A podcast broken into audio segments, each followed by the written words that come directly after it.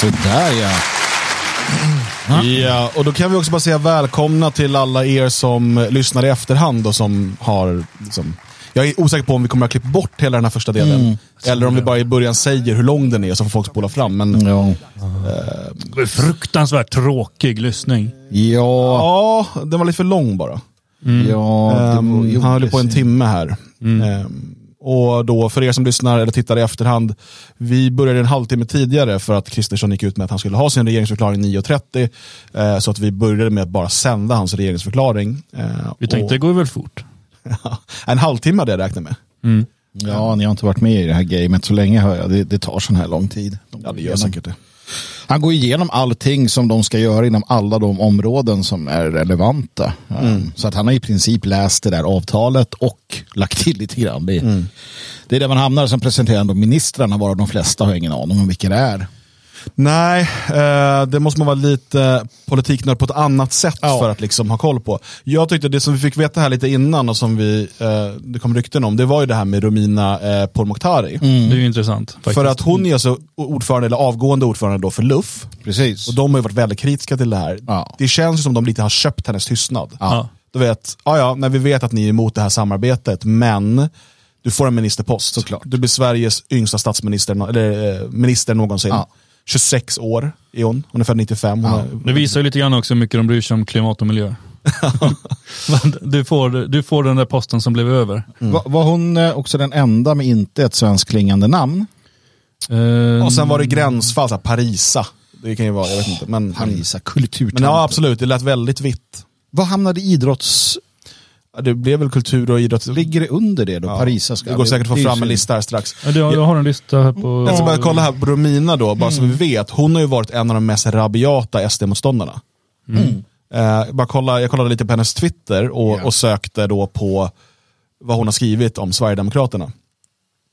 Eh, och då har hon skrivit bland annat då, kan ni stänga dörren till Sverigedemokraterna för regeringssamarbete?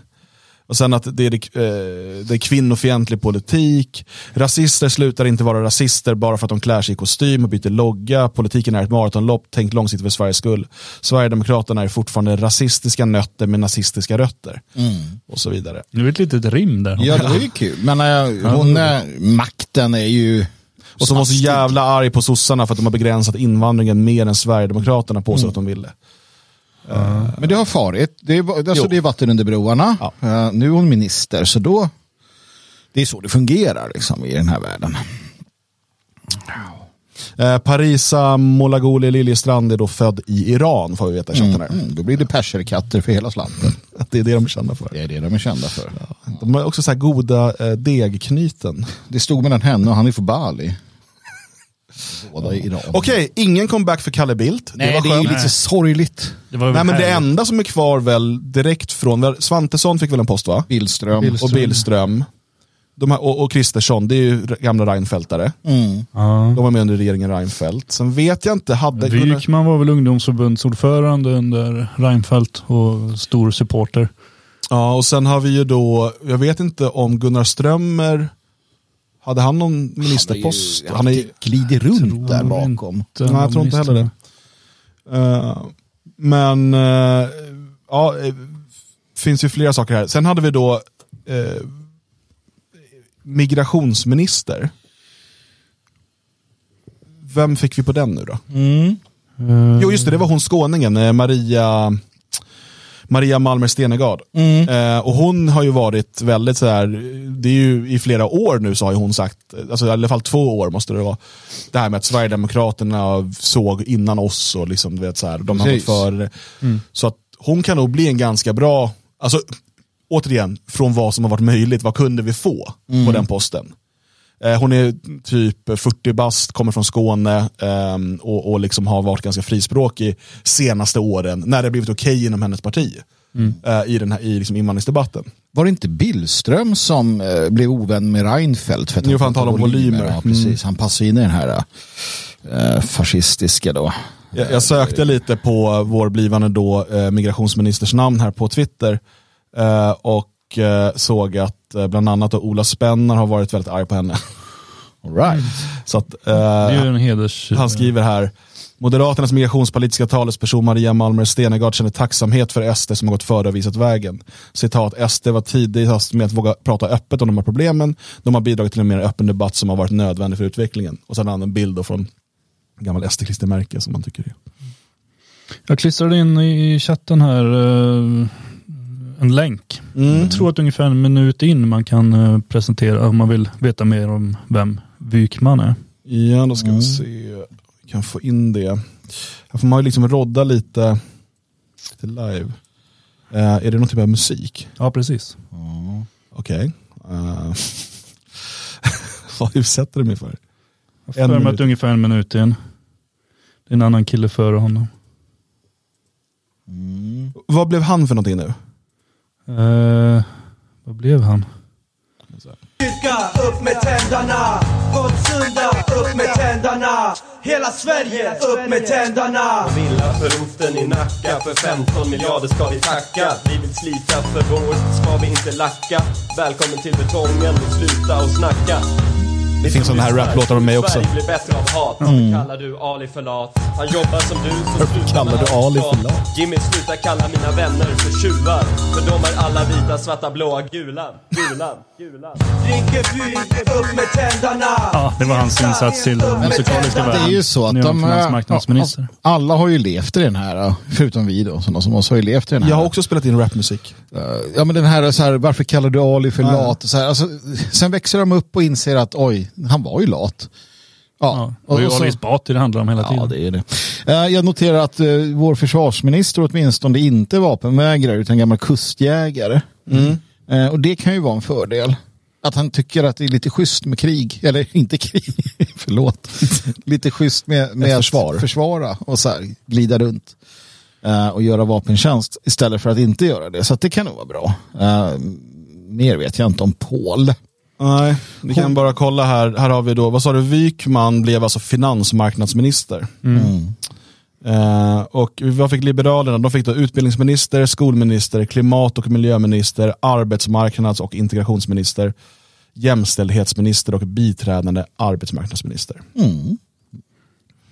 Ehm, och Kristdemokraterna får sjukvårdsminister, civilminister, energi och näringsminister, landsbygdsminister, infrastruktur och bostadsminister. Ehm, Så man har delat upp det där ganska tydligt eh, mellan, mellan partierna. Eh, och Vi får alltså Tobias Billström som utrikesminister. Ja, men Han kommer nog kunna föra sig i, liksom, alltså, återigen, han är moderat. Så Han ska kan ju liksom, använda bestick och sånt. Jo, men jag tänker att jag tror att han kan föra sig bättre i internationella sammanhang än vad, eh, vad heter hon som avgår nu då, skåningen, hon som inte kan engelska. Ja, eh, Vad heter hon? Ann Linde. Ann Linde. Linde. Ja, hon känns ju... Nej, hon är inte så bra.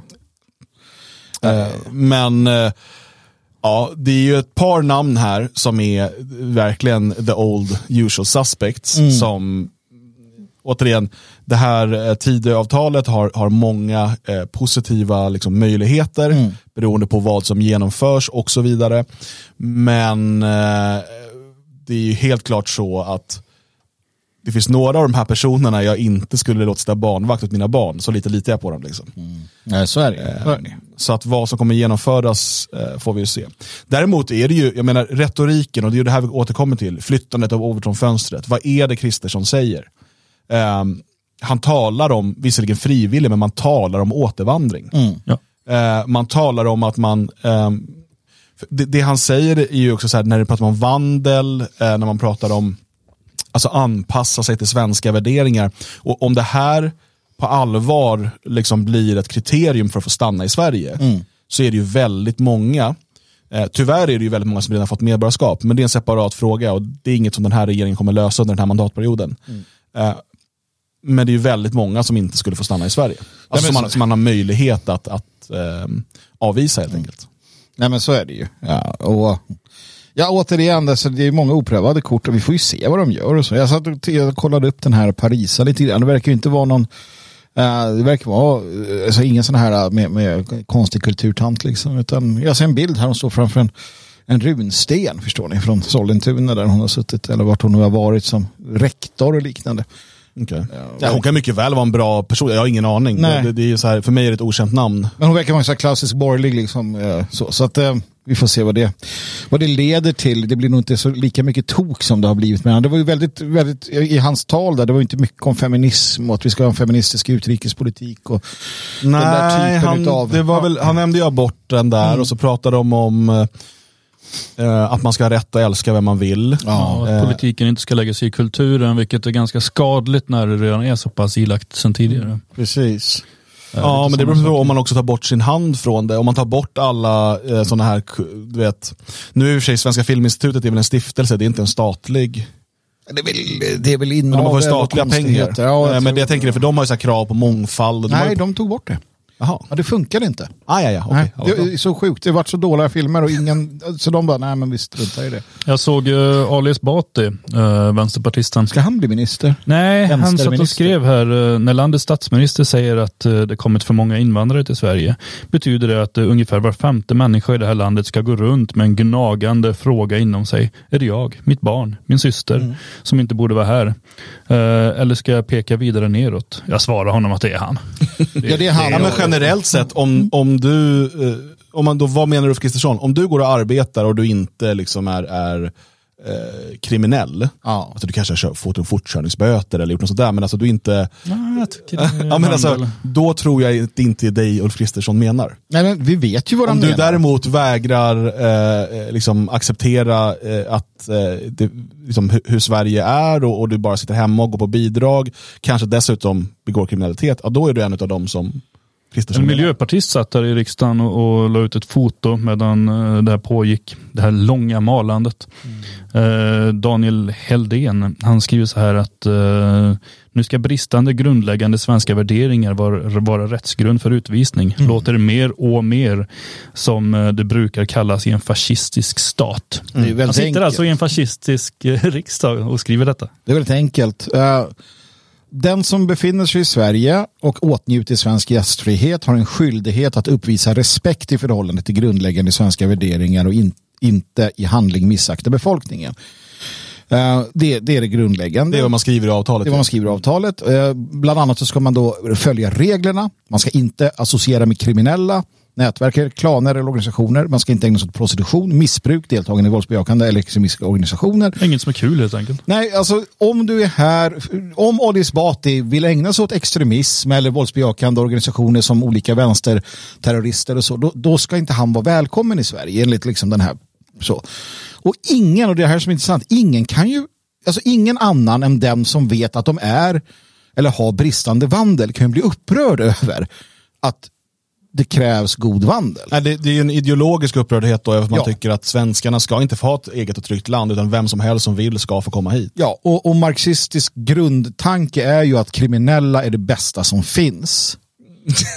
För att, Osäker på att jag har läst just det Marx-citatet. nej, men, men i princip. eh, eftersom att de behöver en stark stat som kan ta hand om dem, för de är oduglingar.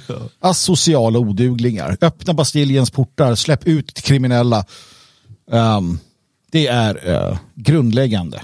Det var en annan sak, vi har ju inte, egentligen skulle vi idag gått igenom eh, Tidöavtalet om kriminaliteten, men vi gör det imorgon istället. Ja, Nej, vi börjar nu. ja två timmar. För det, är- det är ganska långdraget det där också. Men, och det här är förmodligen något som står i det då, jag har inte hunnit läsa det än, eh, som vi valde att göra det här istället. Eh, däremot var det något han nämnde.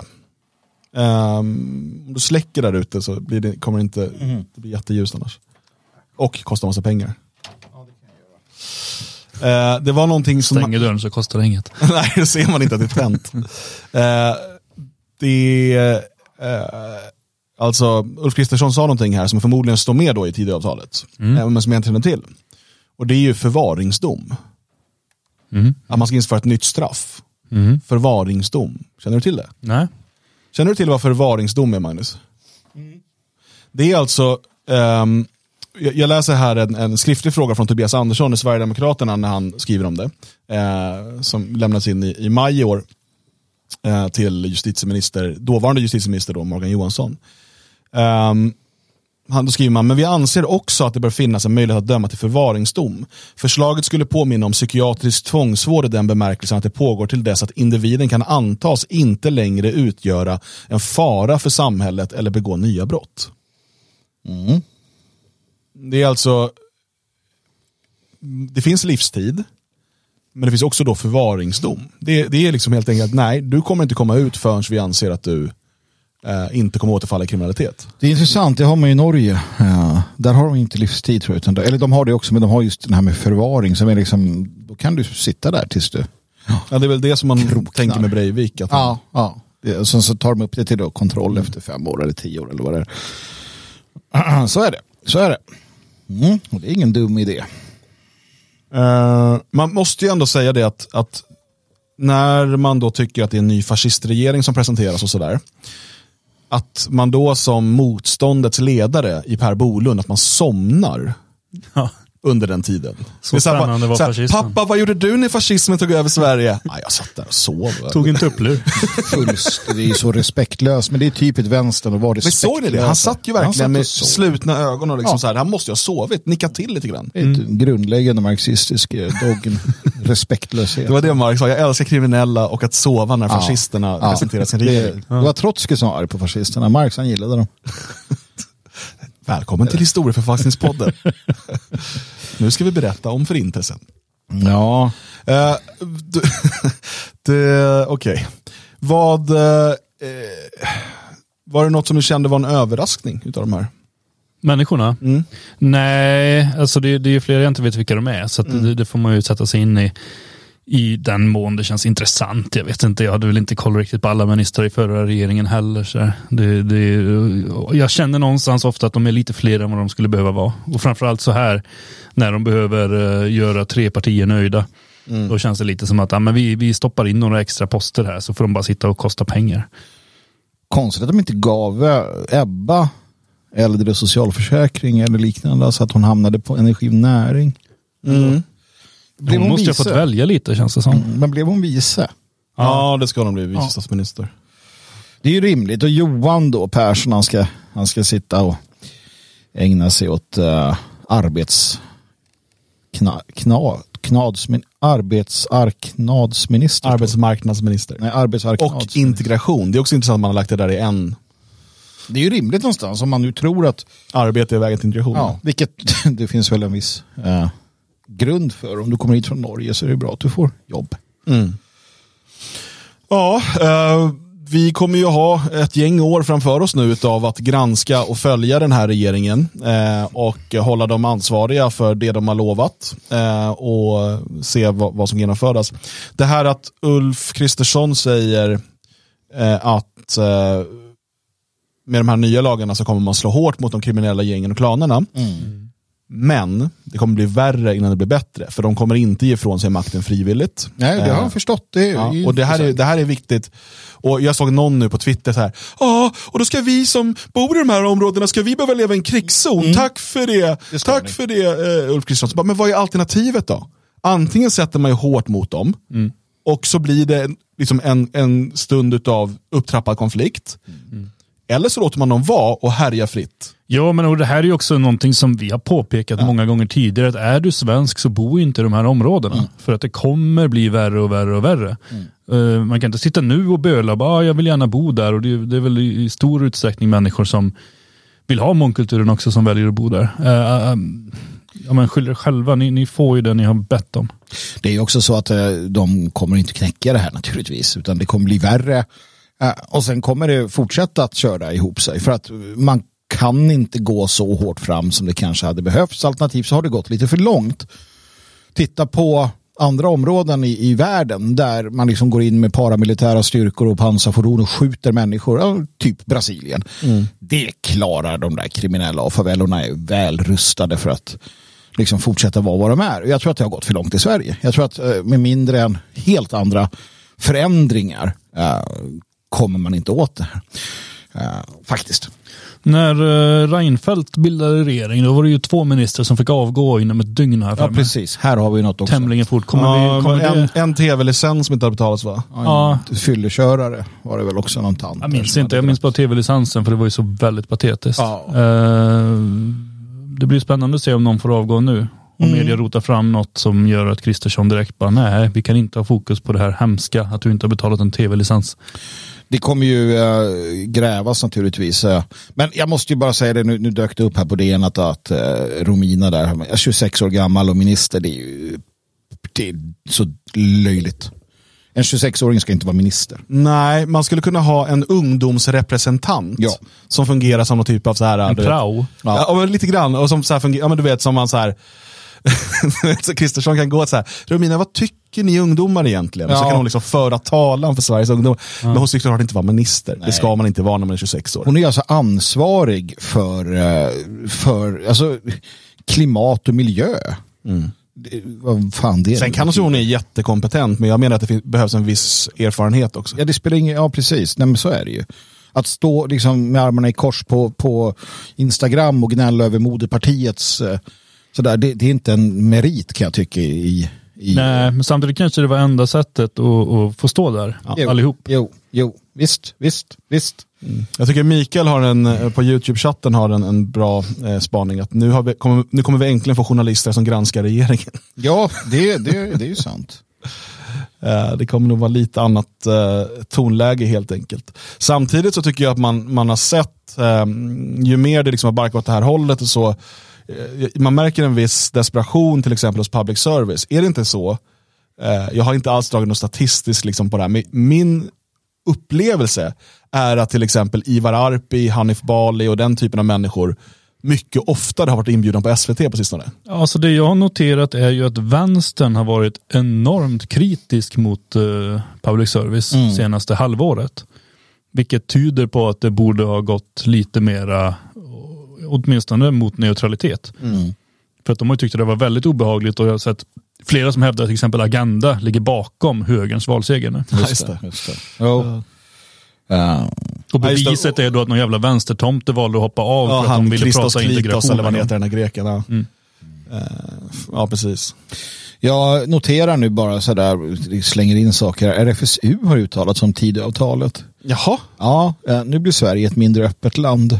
för att man inte får bli bög när man har kommit hit och säga att nu är... För att de vill prioritera hbtq-personer bland uh, människorna som ska hämtas hit. Ja, men det är inte bara det, utan det är, det är den här grejen med att om du kommer hit och söker asyl och säger jag är flykting, eh, det är krig i mitt land. Och så, säger, så kollar Migrationsverket och säger nej, det är inget krig i ditt land. liksom, du har inte flyktingskäl. Eh, förresten, jag är bög. Då ska inte det räknas, för du ska inte kunna liksom hitta på det mitt i. Ehm, och eh, Det är ju sånt där som de är sura på. För de, de, deras argument är ju att de kommer från ett land där det är förbjudet att vara, vara homosexuell och därför vågar de inte säga det direkt. Utan det är först när de har fått avslag på sina asylansökan som de kommer på att berätta det. Det är då det pirrar till.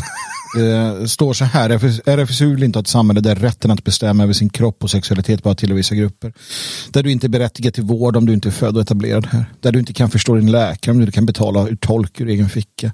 Där du som har sex Ja, men all, allvarligt talat, det där är ju, hur ofta har inte folk gått till läkare och det står någon jävla berbisk eh, figur där och bara slänger ur sig obegripligheter. där du Alltså, som, Speciellt eh, äldre människor man har hört ofta från, men även från liksom folk i vår ålder, säkert yngre också, som det har varit hos läkaren, tandläkaren och så vidare och inte förstått vad läkaren säger, för de kan inte svenska. Nej, det är ju jättevanligt, jag har Ja. varit med om det också. Så det är liksom, visst, återigen, det är ju, de är ju säkert bra människor och är läkare och så vidare, men det är ju helt absurt att de är läkare i Sverige. När Ja, de och det är ju ingen som erbjuder oss tolk. När vi kommer in där, behöver du tolk för att fatta den här figuren? Ja. Ja, ja tack. Där du som har sex mot ersättning inte vågar anmäla ett övergrepp av rädsla för risken att utvisas på grund av bristande vandel. Ja. Eh, RFSU, mig veterligen, får pengar av, av staten. Mm, kan vi sluta med. Jag tycker att de ska hålla käften. Alltså så här, det vi ser är ju liksom den här djupa staten som vaknar liv, aktivistorganisationer som finansieras av staten som nu går emot då staten. Alltså någonstans så får man ju så här, antingen, antingen ska de alltid följa det staten säger eller så ska de inte liksom uttala sig.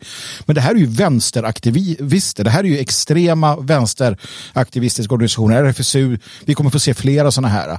Här borde ju då staten gå in och säga att ja, men vet ni vad, det blir inga mer pengar nu. Men då, då blir det ju, ja, så här, för då är det ju en politisk styrning av bidragen. Ja. Och det är det ju redan idag, bara Ja. att man har andra paragrafer, demokrati, alla människors lika Ja. värde och så vidare. Eh, de där paragraferna kan man ju ändra. Precis. El- Eller så har jag det radikala förslaget att man tar bort alla bidrag till eh, civilsamhället. Alla statliga bidrag. Istället sänker man skatten och man gör det skattefritt att var, betala medlemskap och donera till eh, civilsamhället. Alltså du får dra av det, som det är många, i stort sett alla andra länder jag känner till. Eller, jag vet inte hur det är i andra skandinaviska länder, men jag vet att det är så i Tyskland, jag vet att det är i Polen, jag vet att det är så, och så vidare. Om du lämnar en donation till en allmännyttig förening eller till en stiftelse som eh, en del av civilsamhället, så får du dra av det på skatten. Det är liksom skattefritt. Eh, istället för, och sen i Ungern, då har man ju att man får välja, man har ju en procent av sin skatt, som man får välja till vilken del av civilsamhället ska gå. Ehm, varpå eh, under eh, eh, förra året tror jag det var, var det ju bara 300 eller 400 personer i hela Ungern som valde Amnesty.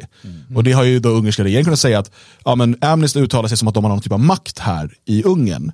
Men när ungarna själva får välja vad deras pengar ska gå till och alla får välja ett på sin skattesedel. Då har bara 300 eller 400 valt Amnesty utav alla 5,5 miljoner skattebetalare. Vad det. Eh, man skulle kunna göra sådana saker i Sverige. Eh, istället för den här absurda byråkratin och uppenbarliga politiseringen av bidragen. Där man ska då ha, ha tjänstemän eh, på olika myndigheter som sitter och bestämmer vilka eh, delar av civilsamhället som ska få statligt stöd och inte. Dra bort det bara. Ta, ta RFSU, Riksförbundet för sexuell upplysning, den ideella organisationen. Det, det- det är ju så här, lägg då kondomutdelning och sexuell upplysning på Folkhälsomyndigheten. Det är väl ändå de som kan sköta det i sådana fall, som är då en statlig en myndighet. Och sen så kan den här ideella organisationen dra åt skogen. För att, återigen, eh, det, det, är, det är liksom en, en fristående organisation som de- bedriver propagandistisk verksamhet nu då mot den sittande regeringen av politiska skäl. Eh, det, det, det blir liksom absurt. Men absolut, bort med alla bidrag till alla. Um, fanns det något mer ni reagerade på? Här i... Nej, vi får ju återkomma till liksom det som händer och se vad det blir för något nu. Nu, nu grävs det ju efter eh, dålig vandel på ministrarna så att man ska, man vill ju sänka en eller annan. Naturligtvis det bästa man kan göra från medias sida det är att sänka en hel regering. Det, det är ju det man är ute efter nu såklart. Um, och med brist på det då enskilda ministrar. Eh, så att det kommer vi få se och följa upp här. Um, Ja, det kommer bli ett kaos, eh, några kaosdagar Mm. med mycket beskyllningar och, och någon journalist kommer leta fram någonting om någon eh, minister som, som man hoppas kommer kunna få dem att, att avgå. Sen återstår det att se vad det är och hur, hur allvarligt och om det blir så. Eh, det kommer också vara mycket kritik ifrån, alltså nu, om, om nu redan RFSU har varit ute så lär det ju bli mängder av liknande uttalanden från liknande organisationer. Så Amnesty kommer ju uttala sig. Eh, Röda Korset ungdomsförbund tror jag har uttalat sig för någon dag sedan här också. Det är mängder av de här, alla kommer ju vara ute och gnälla och klaga. Sen, sen är det ju Liberalerna som blir det intressanta. Alltså hur kommer Persson hålla ihop partiet? Kommer, ehm, kommer de, de, nu har vi haft två ministrar som har, liksom, eller inte ministrar, men, men som har gått ut och sagt då att ehm, nej då, vi kommer, vi kommer inte rösta för det här om det blir aktuellt och så vidare. Eh, vissa detaljer i avtalet. Och så. då har plötsligt Liberalerna ingen ministerposter längre. Nej. Ingen, för då kan Sverigedemokraterna fälla regeringen. Ja. Så att det där blir ju det mest spännande att se. För att det, det vi kan vara säkra på det, det är, det är att oppositionen, då, alltså vänstern, lockar och pockar. Eh, uppvaktar och jag tror nog är beredd att muta ehm, eh, eh, liberaler. Jo, men man har ju uppenbarligen liksom köpt luft så att säga genom, genom den här ministerposten. Ja, men frågan är hur, hur, hon är ju avgående, han den vice ordföranden, om det nu är han som blir ordförande, han har ju varit väldigt gnällig. Han har ju ägnat all sin vakna tid de senaste dagarna åt att angripa det egna partiet och den här överenskommelsen som är det värsta som finns därför att han bara, vi bara måste ta emot fler uh, våldtäktsmän höll jag på att säga, men, men eh, kvotflyktingar säger han ju. Kvotflyktingar, inget annat. Eh, och- titta där bara på tongångarna nu. Aftonbladet här, Björn Björkqvist Kristersson kan bli Sveriges Bolsonaro. Jag menar, jag menar, vi kommer ju få se, alltså så här stridslysten kommer vi nu, så, som, så stridslysten som vänstermedia, liberal media, i princip all media då kommer vara, um, har vi nog aldrig sett dem tidigare. Det vi inte får göra, det är att vi får inte falla in i ett ett, eh, och jag vet, jag är, det, man är nästan där. Alltså, ju mer vänstermedia och pissmedia håller på, desto mer beskyddande blir man mot den här blå, blågula Ja. regeringen. Man, man ställer sig nästan och så här hyllar Persson och, och liksom så här tar Tuff under sina axlar, och så här, eller på sina axlar och bär fram honom. Men det är ju inte våra killar liksom. Det är inte våra killar och, och det måste vi hela tiden påminna oss om. Och, och, och, och, så. Och, det, det får vi göra. Men eh, sen måste vi också, som vanligt, ris när ris eh, tarvas och ros när ros skall delas ut såklart. Kommer ni ihåg att det var en som skrek igår under Ja, ja. omröstningen? Ja. Såg ni vad de skrek? ja. Du lovade Ja, en jag sett- förintelseöverlevare. Svaret är ja. Ja, det är bara när de blev utkastade. Var det. Med 176 ja-röster. Du tog i hand. Ja, Ja, det, där är, det där är ju så patetiskt för att sånt där sker ju ofta i riksdagen. Att eh, det, det skriks och sådär. Och det har liksom alltid varit en form av överenskommelse med, med alltså journalister emellan att vi gör ingen grej av det här därför att eh, det demokratiska spelet ska pågå. Ja, för det kommer bara, precis, Kommer det kommer uppmuntra. dessutom uppmuntra andra att göra samma sak. Ja, så därför tystas det alltid ner. Jag kommer ihåg Svenskarnas parti gjorde en liknande grej för massa år sedan när det var någon invandringsomröstning. Och man stod och ropade och det som hände var ju att det var ju knappt tyst. Och så är det även när det är klimatdemonstrationer och sånt där inne. Men den här gången så var det annorlunda. Det här har lyfts fram. Det här är, I presskonferensen efteråt med Kristersson så var det någon journalist direkt som bara Hörde du vad de ropade? Hörde du att det var Hede Frid? Vad säger du om det? Han bara, ja, nej jag säger ingenting. De, eh, de blev utkastade och störningsordningar sker. Men just att de ropade Hede Frid, vad tycker du om det? Ja, jag vet inte. Jag vill gärna prata om politik. Gäller den där överenskommelsen om tystnad också om det sker väpnade angrepp från platsen? Att man så här tonar ner det om det blir revolutionsförsök från åhörarsidan? Ja, det sker ju varje dag. Ja, jag tänker så. De skjuter någon och sådär. Alla bara. Nej, jag tror inte.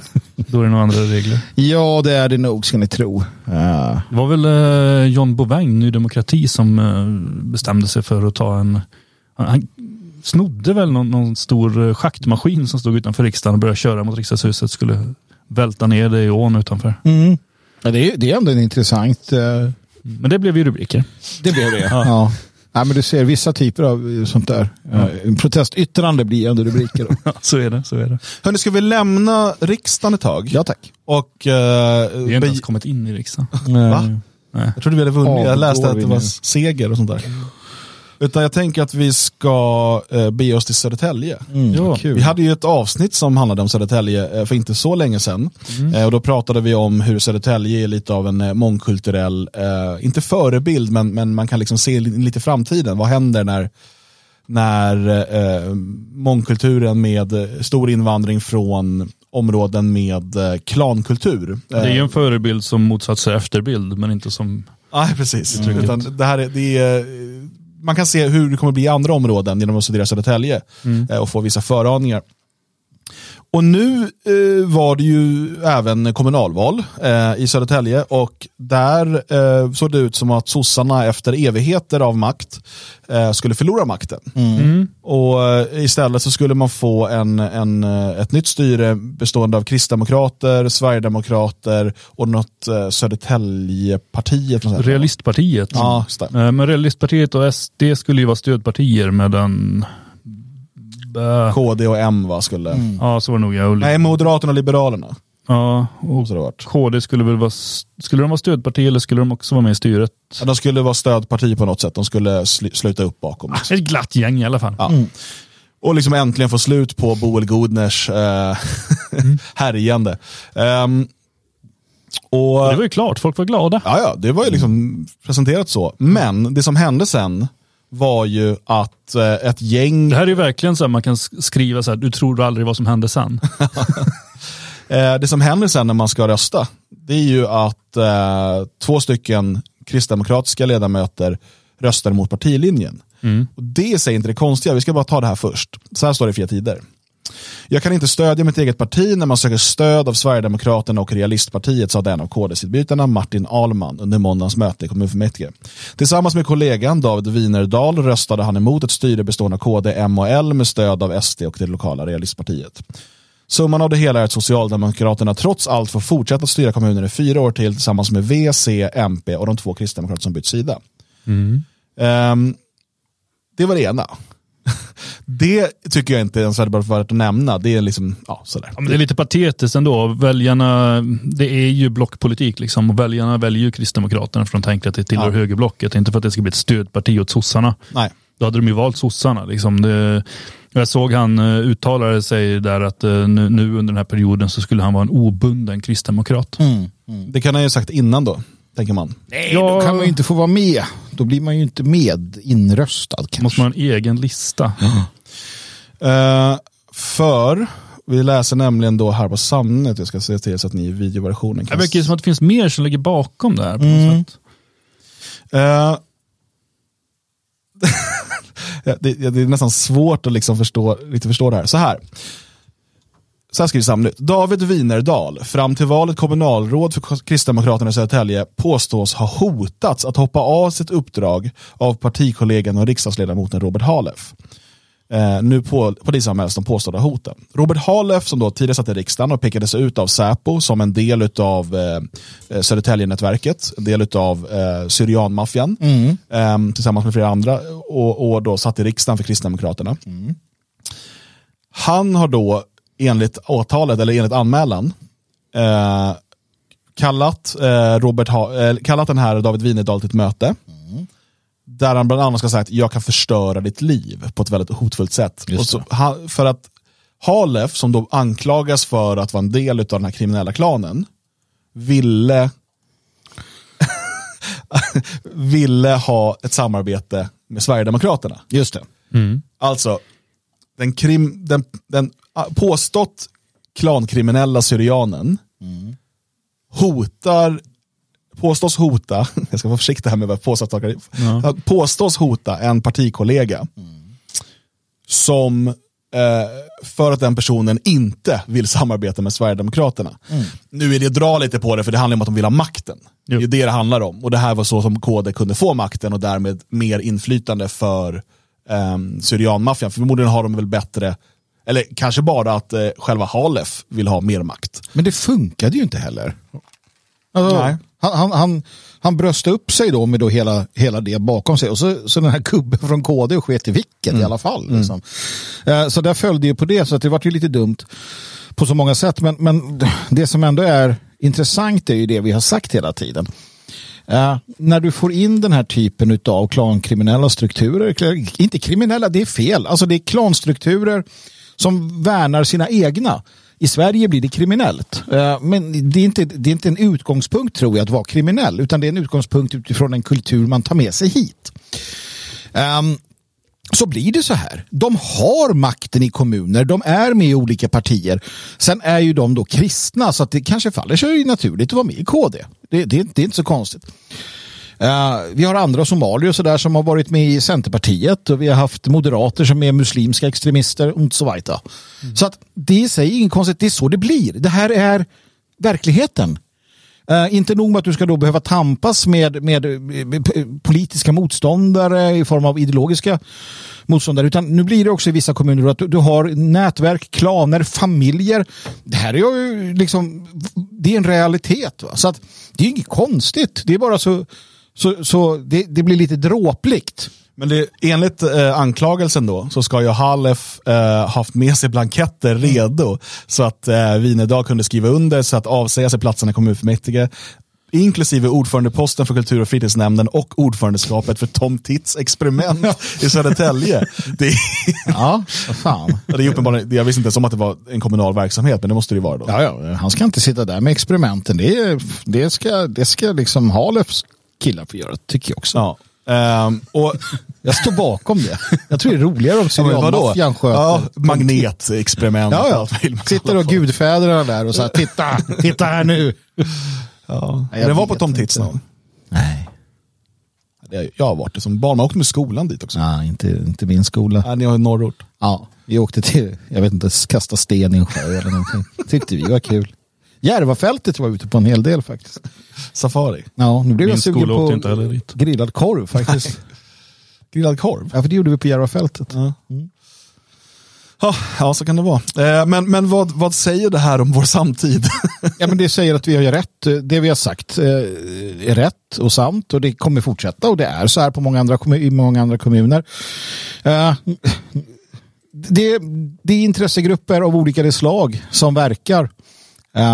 Och uh, det här är ju, jag menar, du, kanske hellre får liksom ett möte av den lokala frimurarbossen som säger, "Ja, men kom igen nu, än att de här killarna kommer. Um, så att maktstrukturerna har förändrats. Det är inte som det var förut och vi måste förstå det. Alla måste förstå att det är det här som gäller.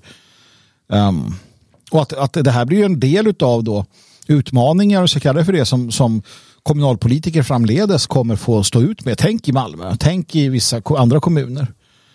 Herregud, man har ju, där har man ju redan liksom gett upp. Ehm, Det har ju redan havererat, det är jag rätt säker på. Jo, och alla vet ju om att, att de här strukturerna finns. Så att det är någonting man verkligen måste förhålla sig till. Det är, ja. Här blir ju, här blir ju faktiskt eh, Vinerdal eh, den coola katten. Ja, som vågar gå emot ja. Ja, en sur KD-gubbe. Ja, sen är, är han ju hans eh, liksom, hat mot SD Ja, gör ja, honom ja. till en sopa, men, men, men att han vågar. Liksom. råg i ryggen och Kristi förmaning så tänkte jag att det här, nej, nej du gubbe. Eller nej du, uh, Halef. Um, så det, det, är ju, det är ju spännande att se vad som händer där. Och, och som sagt, det har ju inte hjälpt klan, den här klankriminella, påstådda klankriminella typen då. Han har ju inte lyckats heller. Nej, och nu genom att man gått ut med det så är det ju svårt också. Liksom, att, men att Ja, nu kan de ju inte gå Skulle han hittas skjuten nu liksom, Ja. så hade det varit konstigt. Eller så bara, vem har lagt det här hästhuvudet i sängen? Ja. vem, vem kan det vara? Ja, precis. Ja, men det kanske är så han tänker, eh, eh, Wienerdahl, att det här ska fan inte göra och då går jag och gör en anmälan nu så det finns på papper. Då kan de inte... Ja, så ju ser Eller så ljuger Wienerdahl. Det han kan ju vara så också. Ja. Och, och stackars Robert som Han råkar bara liksom ha många kusiner i Jo, stan. ja, visst. Och så här, djupt troende är han och allting. Och bara, nej, men vad fan. Jag vill bara samarbeta med SD. Ja. Det är Södertälje i alla fall. Men det är också, jag vet att det, SD är ju hyfsat omtyckta där ute. Jag vet, Nationaldemokraterna hade inga direkta problem med Det var ju så här sommarfester och lite sånt där som man hade på torget där i Ja. Södertälje. Det var inga större, eh, större problem. Nej. Sen var ju generellt sett så verkade ju inte typ syrianerna så där, de brydde sig inte mycket om det. De tyckte inte att det där var... Nej, de har ju sin egen, eh, sina egna så att säga. Um, ja. Sen hade ju ND hade ju den här etnopluralistiska också Mm. idén liksom. Så att det var ju så här, nej, klart att ni ska få fortsätta vara syrianer. ja, Eh, sen ska det inte vara det här. precis. men, men ja. Så att så är det. Nej, men det, det är återigen då en, en, bara ett, ett bevis för att det vi säger är sant och att det här måste vi ha i beräknande hela tiden. Okej, eh, en nyhet till som vi vill kommentera eh, i det här avsnittet är ju utvecklingen i det så kallade Kevin-fallet eller Arvika-fallet. Och det här är ju någonting, jag tror att de flesta känner till det för det har varit rätt aktuellt de senaste tiden här. Eh, det är ju då två svenska pojkar som felaktigt utpekades eh, som eh, för att ha mördat den lilla pojken Kevin. Eh, alltså när de själva var barn. Och, och sen har man använt minst sagt eh, tveksamma metoder för att, för att få fram ett erkännande. Eh, Ja, det var ju samma, det var ju samma psykologer och sånt som var inblandade i Thomas Quick-fallet. Liksom. Det var ju folk som förläst sig på Freud, ja. sinnessjuka Ja, det var människor. riktigt vidrigt. Eh, Och dessutom eh, finns det en hel del underligheter med samtal från regeringen. Eh, Det var ju precis inför ett val. Eh, Den eh, som mycket pekar på var den skyldiga var ju en kurd tror jag. Eh, eller, ja, i alla fall en, en utlänning. Och att man absolut inte ville ha en debatt inför valet om rasism eller invandring och, och sådär. Eh, och det är spekulationer, liksom, men, men det finns mycket som tyder på det. Eh, Ja, den misstänkte begick ju något liknande brott, inte så långt senare. Så. Ehm, men då har ju de här, de här två pojkarna fick ju sina liv förstörda. Ehm, de har ju dessutom gått runt och trott att de kanske är skyldiga. Vet att- För att de menar ju, de här eh, freudianska eh, psykologerna och det har ju då hävdat att ehm, eh, ni har bara förträngt minnena. Eh, och det är den här idén då. Och, och vi kan hjälpa er att få fram era förträngda minnen. Det här var ju väldigt populärt också den här tiden med eh, eh, kvinnor som, eh, om ni kollar på den här eh, gamla Uppdrag granskning, könskriget eller vad det heter. Då pratar man ju om det här om hur, hur det finns då specialiserade eh, psykologer och psykoanalytiker eh, som jobbar med sådana här förträngda minnen just för kvinnor. Då. Och de här är feministiska tokaktivister. Och de, är, de är helt övertygade om att liksom, män, män är djur, men liksom, vi våldtar så fort vi får chansen. Och eh, vi har hemliga sällskap där vi offrar barn. Och, och så här. Det är massa konspirationsteorier. Det här är, och de här människorna eh, har sedan haft de här kvinnorna som sina patienter och då eh, lyckas få dem att komma ihåg förträngda minnen av att de har blivit våldtagna och sådana saker. Eh, eller, och, och man har gjort det på barn också. Det var jättestort. eh, Och, och alltså, många män som blev dömda eh, för sexuella övergrepp på barn.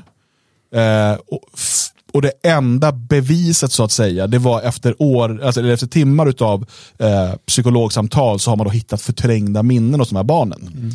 Alltså det, det finns, Framförallt i USA var ju det där stort och då var det ju stora satanistiska nätverk och sånt som man eh, fick barnen att komma ihåg. Eh, så här, dagisfröken var samtidigt eh, någon eh, så nätverksledare som tog ner barnen i en källare och sen tre trappor till ner och där försiggick en massa ritualer och sånt där. Och, fast det var ganska lätt att liksom bara gå dit och titta att nej det finns ingenting i den här källaren så, så dömde man människor för att vittnesmålen var så pass viktiga i och med att psykologerna stod och sa att det här är definitivt sant. Mm, men jag minns det här. Alltså det var ju det var mycket i tidningarna och man skrev om det på vissa kommuner eller vissa städer i Sverige så, så skrev ju pissmedia om satanistiska nätverk som misstänktes operera mellan skolor och barndaghem och liknande och som utförde grova övergrepp och mord. Och det skrev man om och folk fick ju panik. Det var ju, det var ju då liksom allt det här med att Uh, jag menar, det, det var ju så här, föräldrar som badade med sina barn nakna. Då var det ju så här, ja, det, det var suspekt helt plötsligt. Eller du kunde, alltså hela den här galenskapen satte igång då. Eh, det där minns jag faktiskt. Eh, och det var obehagligt. För att som man så var du misstänkliggjord bara du klev ut genom dörren. eh, och det där har man ju till viss del gjort upp med idag. Det har man. Ehm, jag tycker absolut inte att det har fått de konsekvenser det borde få. Inte ett dugg. Eh, och, och jag vet, Ingrid Carlqvist var väl väldigt engagerad i de här eh, frågorna också. Eh, om jag inte minns fel. Eh, hur som helst. Eh, Arvika-fallet då är, är ju ännu ett sånt här exempel. Och eh, återigen, man har förstört de här pojkarnas liv. Eh, de var tvungna, deras familj var tvungna att flytta ifrån Arvika.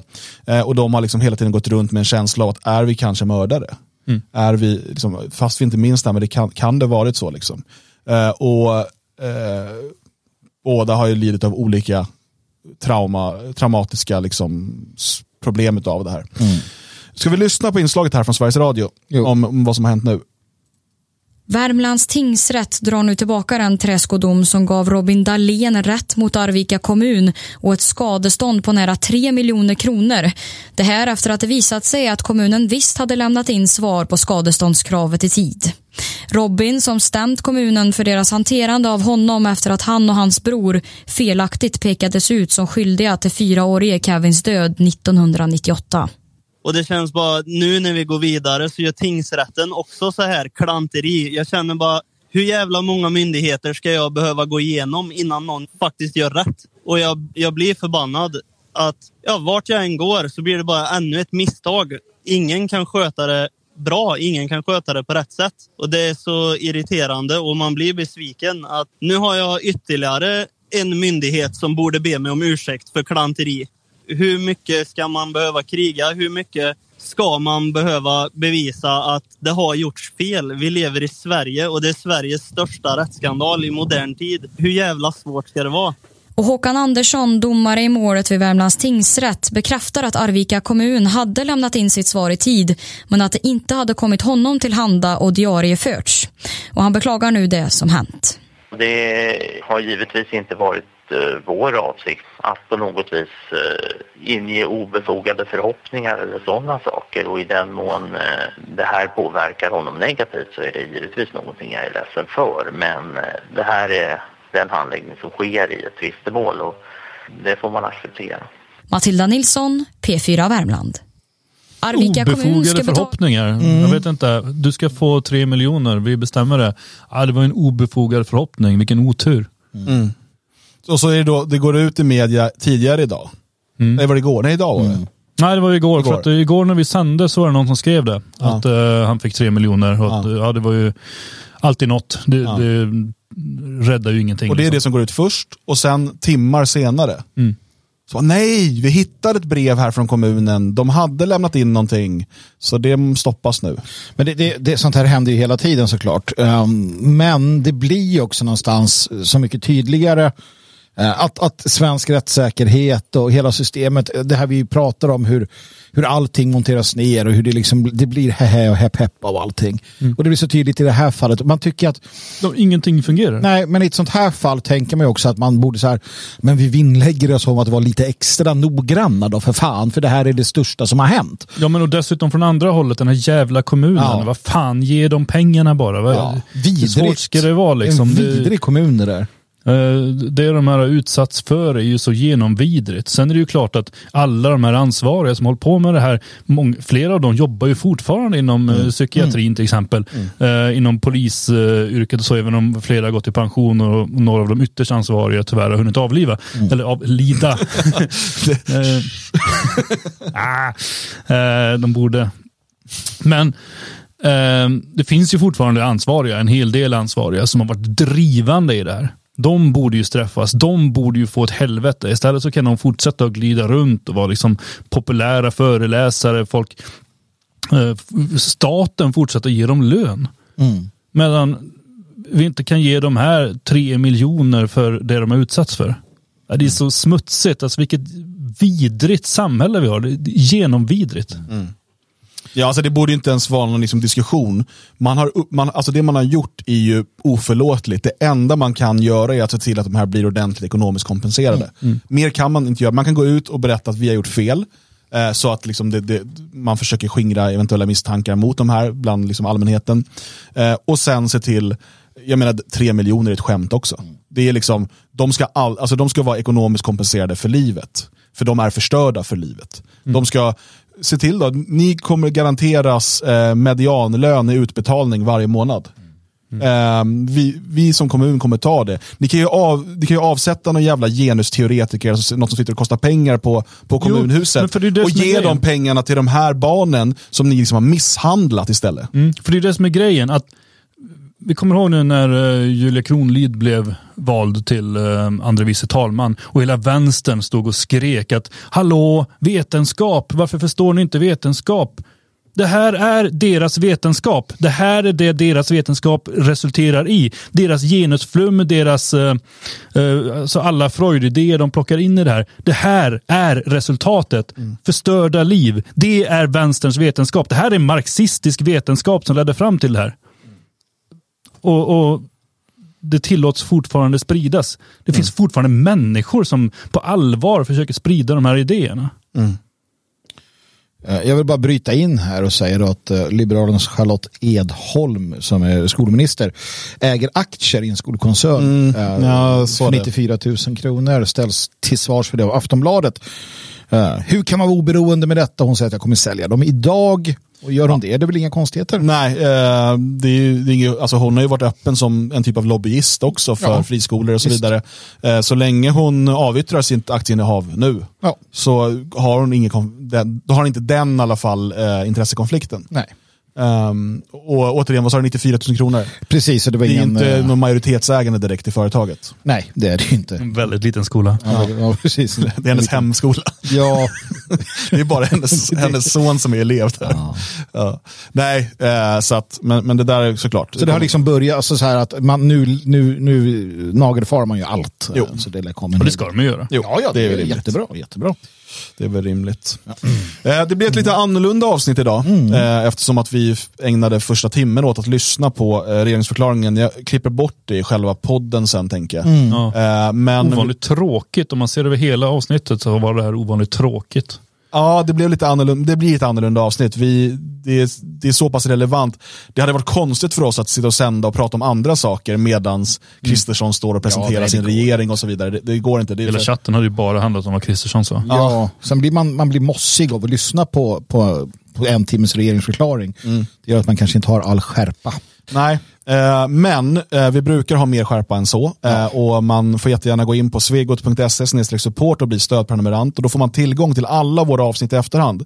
Eh, och Vi sänder ju, Dagens Svegot sänder vi varje vardag, normalt sett klockan 10. Ibland blir det andra sändningstider för vi behöver vara med på någonting live som idag.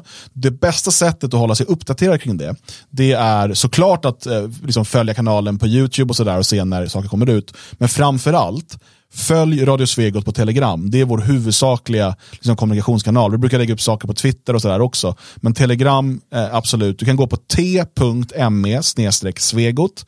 Då kommer du direkt till vår kanal, så kan du bara prenumerera på den. Det kostar ingenting. Eh, och där kommer programmen upp, där kommer eh, direktsändningar upp och där kommer all information om eventuella förändringar och så vidare upp. Eh, Så t.me svegot och prenumerera på den kanalen. Eh, vi är tillbaka imorgon. Klockan 10 är det planerat. Eh, om det inte händer något speciellt som Ja. gör vi får sända en annan tid. Eh, men eh, vi, eh, vi tror Kristersson inte kanske ska hålla en timmes monolog. Ja, men då, den, den gången får han ingen Vi är uppmärksamhet. med, vi är med. Linda Snäcker noterar att det bara är nio kvinnliga ministrar. Ja. Ja, Ingen manlig. Fullt tillräckligt. Kanske för många. Eh, men eh, vi, eh, imorgon så är det då att vi tänkte göra det som egentligen var tänkt för idag då, och det är ju att vi kommer gå igenom eh, ett till segment av det här Tidöavtalet eh, och då gällande kriminaliteten. Vi har Mm. redan gjort ett avsnitt igår där vi gick igenom eh, invandrings och integrationspolitiken. Så att det tänker vi göra imorgon och såklart kommentera eventuella aktuella nyheter. Förmodligen har det hänt en del de här 24 timmarna Mm. fram till nästa, eller 23,5, 22,5 timme till nästa eh, sändning. Eh, det, kan bli, det kan bli livat nu. Eh, så att eh, vi ser fram emot kanske har att... vaknat. Ja, det, är dessutom. Han, det är så roligt att alla har gått ut ur plenisalen när han sitter kvar. Vaknar upp, oh, oh, fatta den ångesten när man vaknar ensam i plenisalen efter en re- regeringsförklaring. Och man vet att det här har filmats och fotats. Det är förmodligen liksom, det är The Guardians huvudnyhet just nu. Snabbt twittrar bara, det här var ju skit. Håller inte med. Ardalan Shekarabi i alla fall eh, lite trevlig kan jag tycka på sin tweet här. Eh, tiden som minister är över. Efter åtta år lämnade jag precis tillbaka nycklarna till arbetsrummet på regeringskansliet. Ett enormt tack till alla som möjliggjort denna fantastiska resa och säger lite hjärtan och skit. Jag önskar min kommande efterträdare all lycka i arbetet för vårt lands bästa. Vad moget och Ja, men det och tycker. Och det- professionellt det- av honom. Ja, Nu är inte det här hans land, men eh, nej, men i alla fall. Det är, det är, han som visar på bäst respekt Ja, för liksom svenska institutioner. Det. Bolund, han, han, liksom lämnar, en, en, han, han lämnar liksom Han avföring i sitt rum eller något. Jag vet inte vad han gör. Spa, han säger, snor kråkor under skrivbordet. Han hade i och för sig ministerpost nu. Nej, okej, då, men han säger åt någon att göra det. han lämnar det till sossarna. Magdalena Andersson så här. Ostä, hon väljer att hälla ut sand på golvet. Eh, hörni, tack så mycket för idag. Eh, vi avrundar här och önskar en fortsatt eh, trevlig eh, tisdag. Det är tisdag va? Det tror jag att det kan visst. tänkas vara. Vi, satsar på det. Vi gör det. tack för idag.